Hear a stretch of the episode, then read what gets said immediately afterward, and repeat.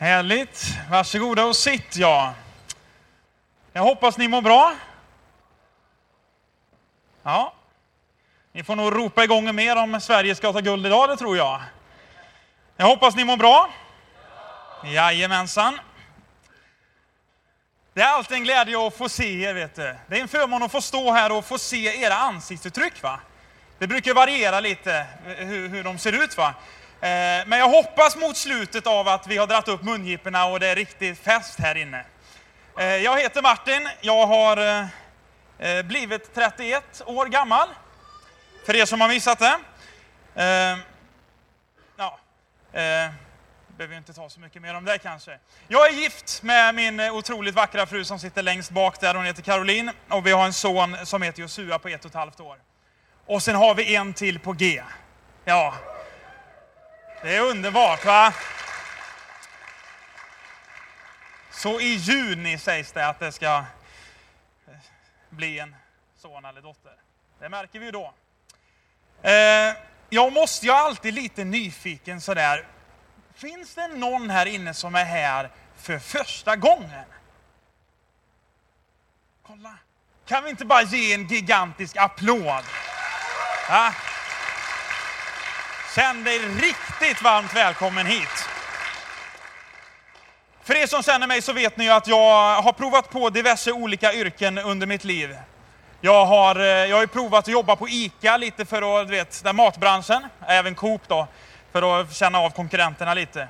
Jag provade en gång att jobba som betongborrare. Eh, också väldigt spännande jobb. Eh, nej förresten, monotont jobb ska jag säga. Jag stod och borrade upp så här betongplintar eh, åt Benders. Vi skulle bygga upp ett halvårslager. Eh, det rekommenderar jag inte att ni provar, men det var, var en utmaning. Eh, jag har jobbat som städare.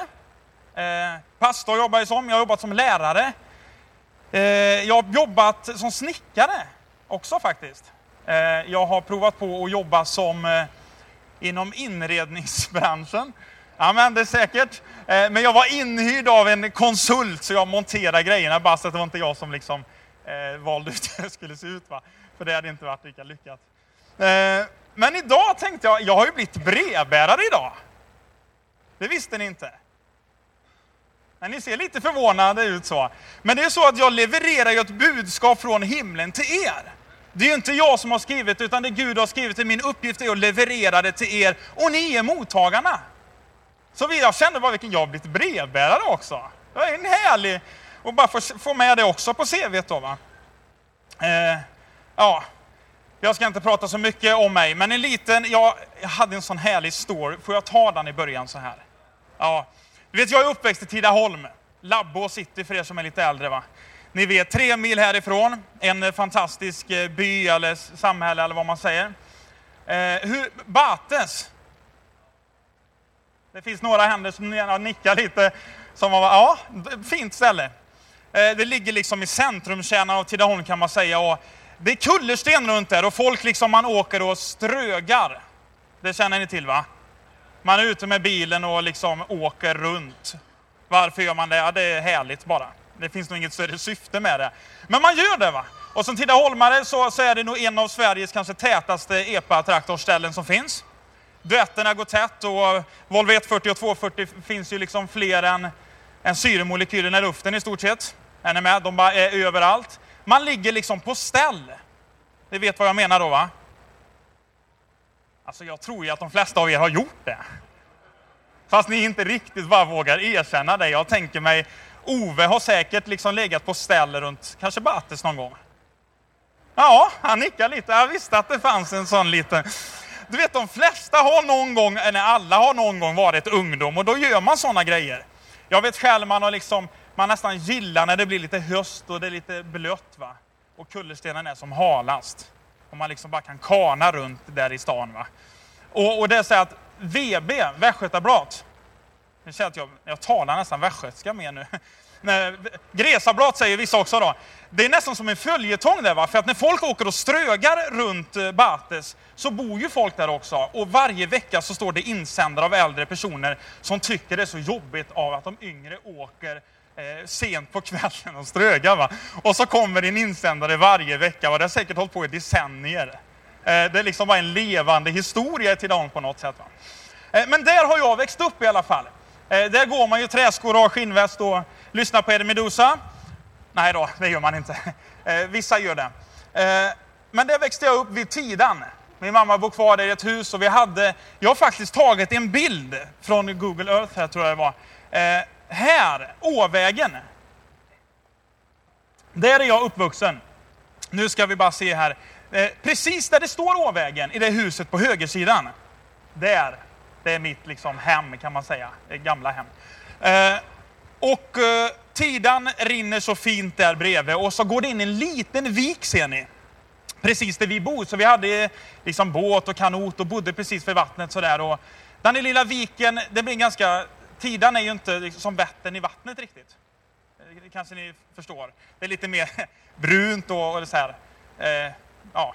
Eh, inne i den här viken, där är det kanske ungefär så här djupt. Och så är det lika djupt med dysen. Eh, jag har gått många gånger in i viken i vadarbyxor och rensat vass. Eh, så jag vet precis hur det är. Man går ner och man känner sig ha kommit in i någon slags kloak. Den känslan har man där. Va? Eh, och när man var liten så, så gjorde man bus ibland. Kanske inte du har gjort, men jag har gjort det. Även om jag är väldigt from nu, så har jag gjort det när jag var liten. Och jag, hade, jag har ju tre äldre syskon. Och min, jag har en bror som är två år äldre än mig. Och vi har gjort mycket grejer man inte ska göra.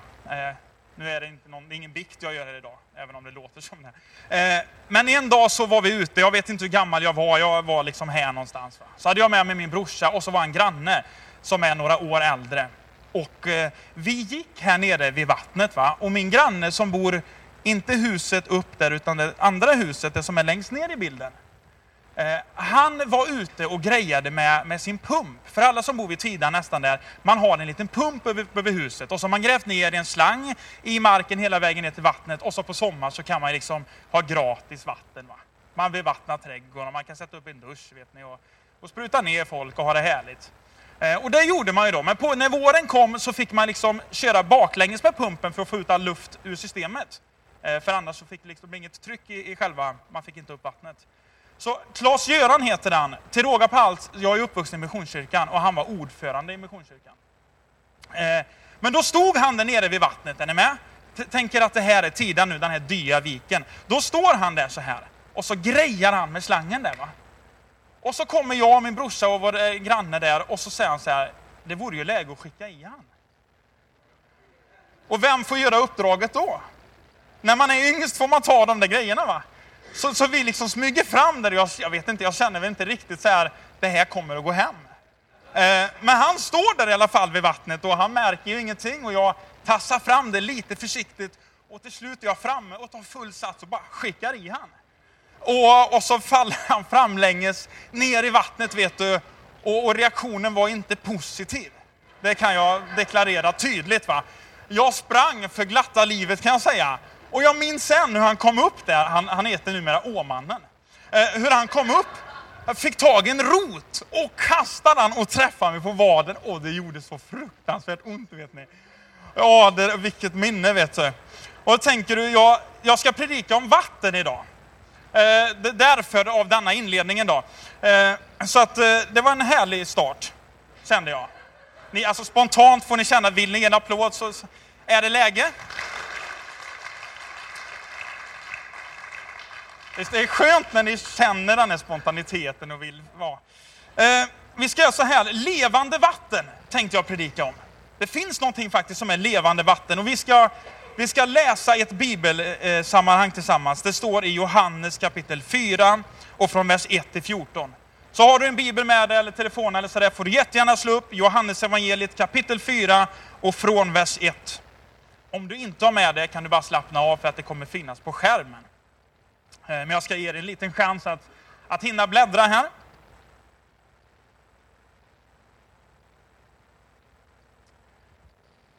Så från kapitel 4 och från vers 1 så står det så här, när Jesus fick veta att fariseerna hade hört att han vann fler lärjungar och döpte fler än Johannes.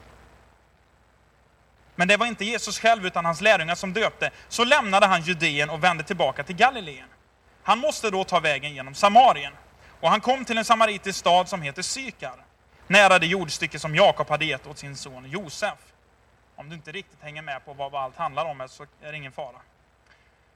Där fanns Jakobs brunn. Eftersom Jesus var trött av vandringen så satte han sig där vid brunnen. Det var omkring sjätte timmen. Kan ni tänka er Jesus hade varit eh, nere på ett ställe och skulle transportera sig upp till ett annat ställe. Och det fanns liksom inte läge för honom att ta bussen, eller liksom tåget eller flyget, utan på den här tiden så gick man. Man kanske kunde ta liksom Kamelexpressen, jag vet inte. Men han gick hela den här sträckan. Och så börjar han förmodligen på morgonen tillsammans med sina lärjungar, och så börjar de gå. Och jag vet inte om du har gått mycket, men man kan bli trött när man går. Eh, och han hade hunnit en bit här, och så står det att det är sjätte timmen. Och översatt till svenska betyder det att det är klockan 12. Det är lunchtid, och nere i Israel vid lunch antar jag spontant att det är ganska varmt. Solen står säkert rakt upp nästan, och så är det liksom bara värme, han är trött. Och så kommer han fram och så sätter han sig där vid brunnen. Och fortsätter man läsa så står det att då kommer en samaritisk kvinna för att hämta vatten. Jesus säger till henne, ge mig att dricka.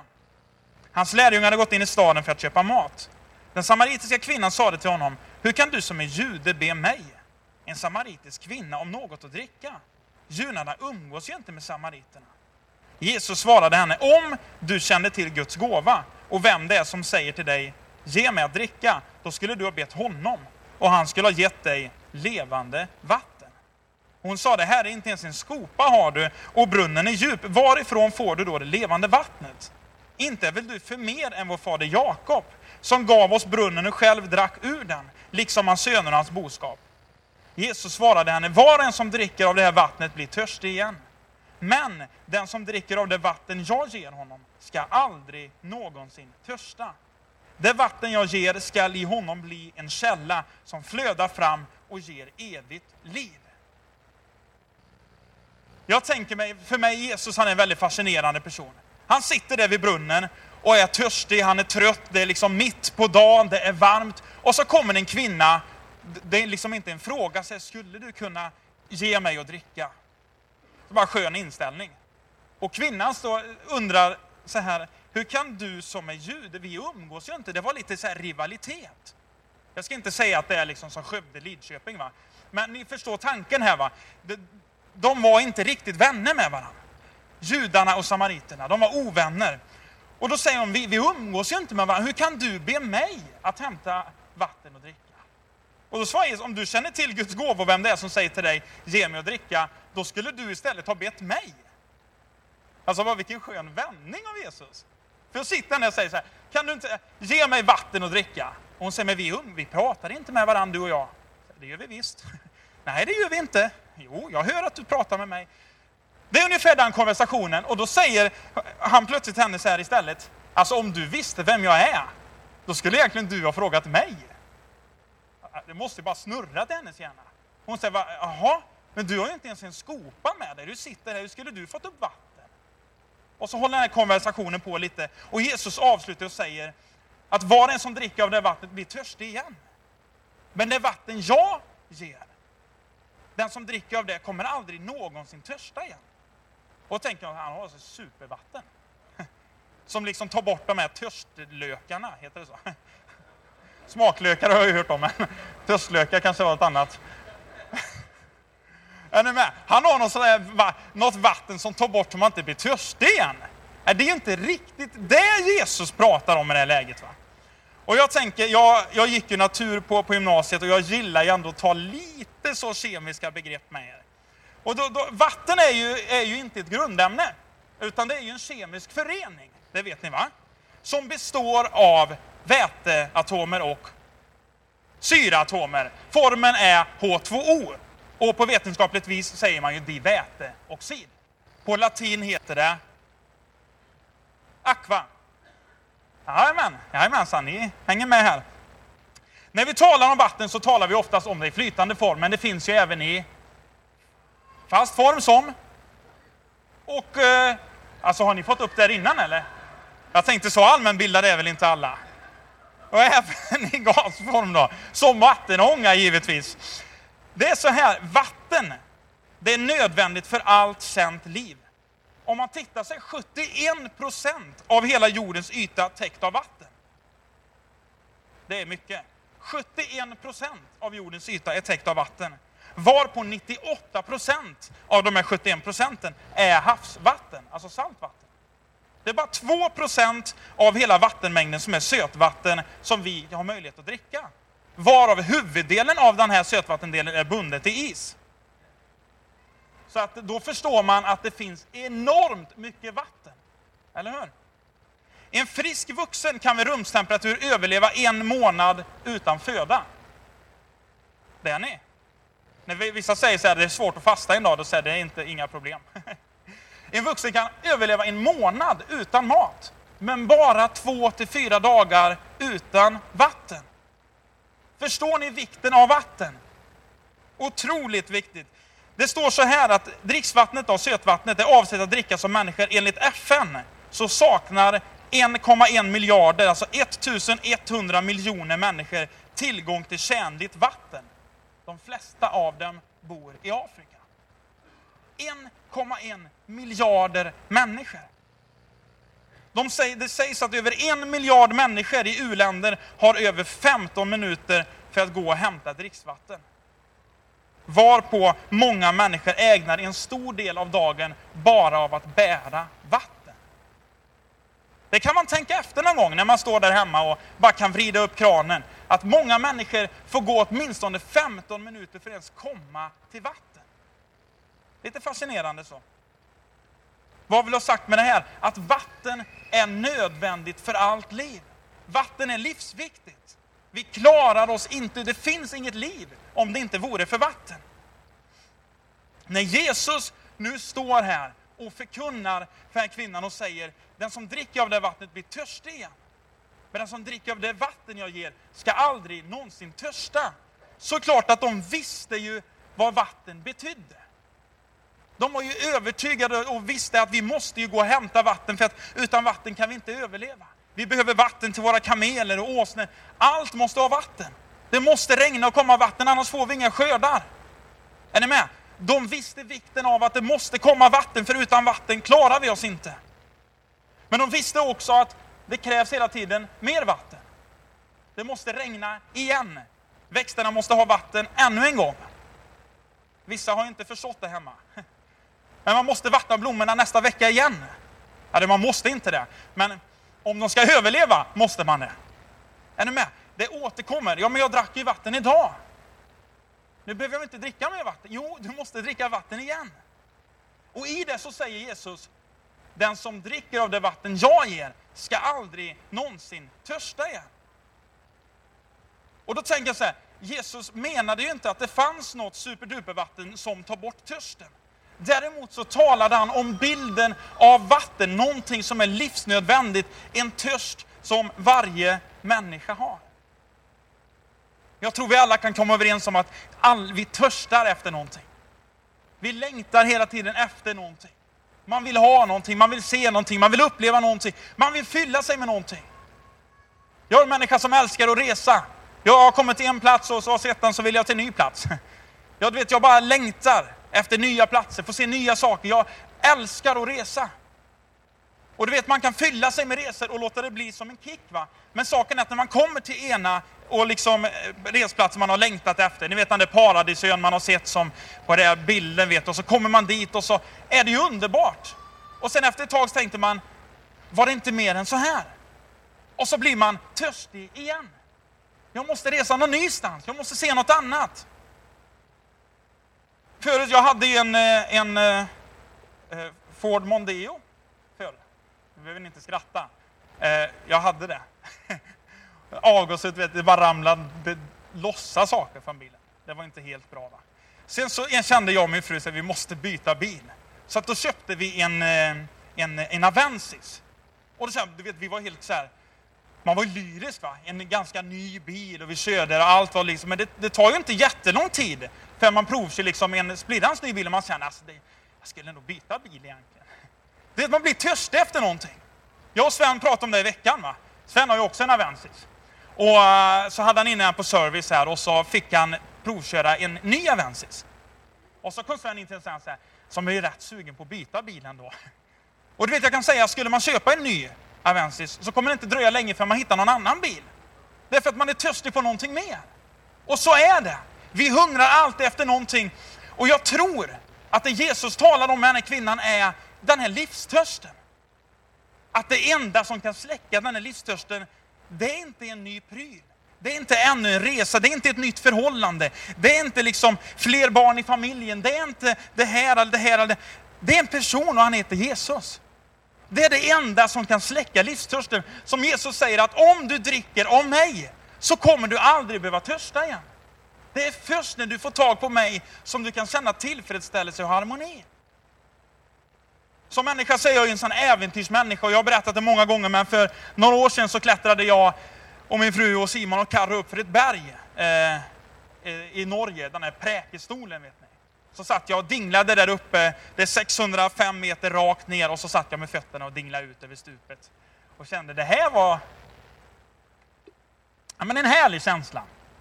Det liksom gav lite adrenalin i kroppen och så här. Då. Men jag vet att jag på vägen ner sa till Simon att du vet, vi ska inte hitta något som är tusen meter högt. Är du med? Det, det bara finns i mig. Jag, jag, man blir liksom inte nöjd med det där. Man börjar bli hungrig efter något mer. Jag, jag ska inte säga mer vad jag har för passioner. Varför att, eh, men jag längtar alltid efter mer. Va? Men jag insåg att när jag mötte Jesus så fick jag plötsligt någon slags tillfredsställelse i livet. Det var först när jag mötte honom som jag inte behövde jaga efter allt det andra. Det var först när jag mötte Jesus som jag insåg att ja, men det spelar ingen roll om jag är här eller om jag skulle befinna mig i ett afrikanskt land eller om jag är i Indien eller vart jag än är. Jag känner tillfredsställelse i alla fall. För att jag har fått tag på någonting som har släckt törsten. Jag kan säga, om man inte har Jesus så kommer det bli ett jagande, ett enda sånt där ekorrhjul. Vet ni. Man springer runt, runt, runt och så blir det ingenting av det. Man bara hungrar och det blir värre och det blir värre och det blir konstigare grejer. Och du kommer jaga hela ditt liv. Det enda som kan släcka den där törsten, han heter Jesus Kristus. Min fråga blir därför idag, vad är det för vatten som du dricker? Man kan ju dricka av vad vi kallar för världens vatten. Förstår ni bilden? Man kan fylla sitt liv med massa upplevelser, man kan fylla sitt liv med massa resor och bli tillfredsställd en liten stund. Men det kommer ett nytt behov. Det kommer en ny längtan, en ny strävan. Och jag säger inte så här att när de möter Jesus så kommer livet bli kanontråkigt och du sätter dig i ett hörn och sen kommer du aldrig törsta efter någonting igen. Nej, absolut inte. Efter jag mötte Jesus så är jag nog ännu mer hungrig på livet. Men jag har funnit en tillfredsställelse, en harmoni, ett lugn, en frid. Är ni med? Och frågan är, vilket vatten dricker du av? Dricker du av det vattnet som världen ger och du längtar och du söker fortfarande, men du har inte funnit det där vattnet som släcker törsten? Jag vill säga, idag kommer det finnas möjlighet att dricka av Jesus. Idag kommer det finnas möjlighet att smaka på Jesus och känna att wow, här fanns det någonting som släckte törsten. Någonting som gav mig frid på insidan, någonting som gör att jag inte måste jaga, känna den här oron, den här flyktigheten, utan jag plötsligt kan landa och bara ta emot honom och inse, det är inte bara att det släcker törsten, det är någonting som ger evigt liv. När Jesus kom ner till den här världen för 2000 år sedan så gjorde han det ju med ett syfte. Det var inte så att han inte hade något bättre för sig.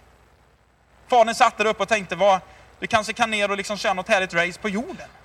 Nej, han sände ju ner Jesus med ett syfte. När Jesus kom ner dit så gick han omkring på jorden. Varför då? Därför att han skulle föra människan tillbaka till Gud.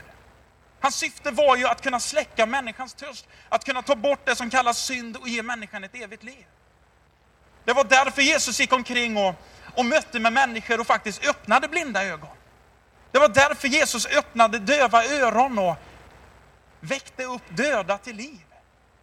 Det var därför Jesus gick på vatten och stillade stormar. Och det var därför Jesus kastade ut onda andar. Och varför då? För att kunna föra människan tillbaka till Gud. När Jesus hade vandrat här i ungefär 33 år på den här jorden så känner ni till att de spikade upp honom på ett kors. Inte för att han själv hade gjort något fel, utan därför att han blev gjord till synd i vårt ställe. Bibeln säger att det du och jag inte kunde lyckas med, det lyckades Jesus med.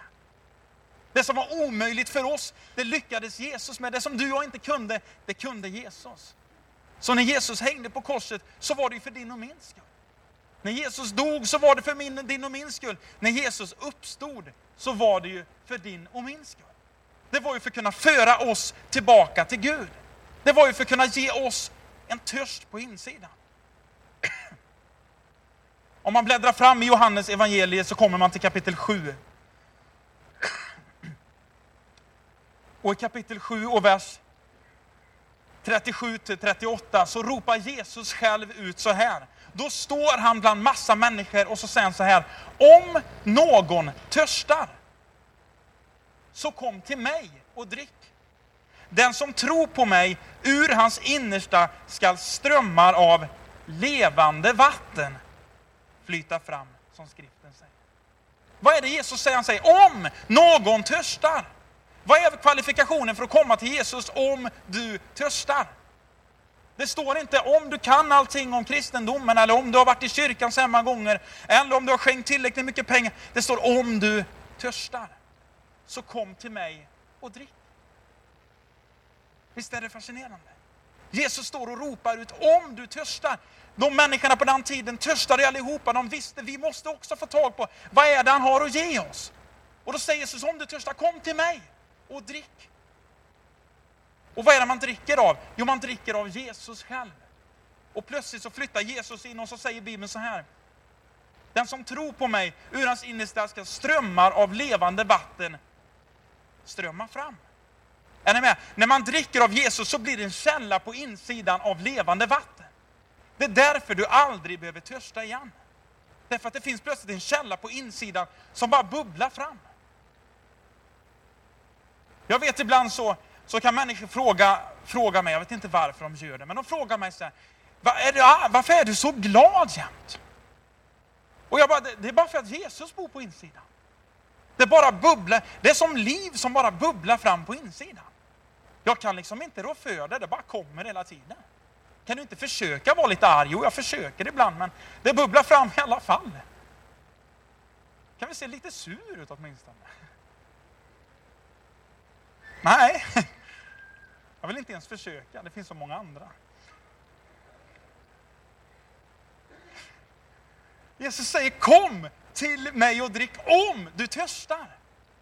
Han tvingar inte, han står liksom inte och häller ut vatten och säger bara ta emot. Spring om du vill fly undan. Va? Nej, han säger om du törstar, kom till mig och drick. Han kastar över bollen, han skickar över och säger det är ditt val. Jag har gjort allting möjligt. Det är upp till dig om du vill ta emot det. Det är upp till dig om du vill få källan på insidan. Det är upp till dig om du vill få tag på ett evigt liv. Jesus säger, jag har fullgjort allt. Jag har gjort allting. Det är bara att komma till mig. Det är det enda som krävs. Jag tror det är så här, att få tag på det verkliga livet handlar om att få tag på Jesus. Jag har en flaska här, den heter Bon Aqua. Jag vet inte om, vad, vad betyder Bon? Någon som? Gott vatten. Ja, men det var helt, helt okej. Okay. Det är så här, många människor, de vet ju ibland mycket om Gud. Och det här är en bild som kan vara lite haltande så här. Men man kan se Gud som en flaska så här, är ni med? Många människor de, de, de har tittat på flaskan och så kan de läsa på etiketten och tänka, ja men jag, jag vet en del om Gud. Jag vet hur han ser ut. Jag kan liksom känna på det, jag ser formen, det känns liksom lite olika vinklar. Jag kan veta materialet, jag kan veta innehållsförteckningen. Men vet du vad? Det är först när man skruvar upp korken och smakar på det som man kan få del av innehållet. Och så är det för många människor också. Man har läst och man säger, ja men jag har läst Bibeln, jag kan mycket om Gud. Ja men frågan är, känner du honom? Det finns massa människor som man kan titta på vattnet och säga, det, det är fantastiska flaskor. Jag är supertörstig, jag har liksom 200 flaskor hemma. Du har inte provat att öppna någon? Nej. Ja, det är läge för dig att öppna flaskan. Om du vill släcka törsten måste du öppna och börja dricka. Och det är precis samma grej med det kristna livet. Ja, men jag har gått på massa gudstjänster Martin, eller jag har varit i kyrkan, jag har aldrig hört, jag vet inte vart du är någonstans i livet. Du säger om jag har läst Bibeln tio gånger, ja det är fantastiskt. Men om du inte öppnar ditt hjärta och säger Jesus, kan du flytta in? Det är först då du får smaka på vem Gud är. Och det är den möjligheten jag är övertygad om att Jesus vill ge dig idag.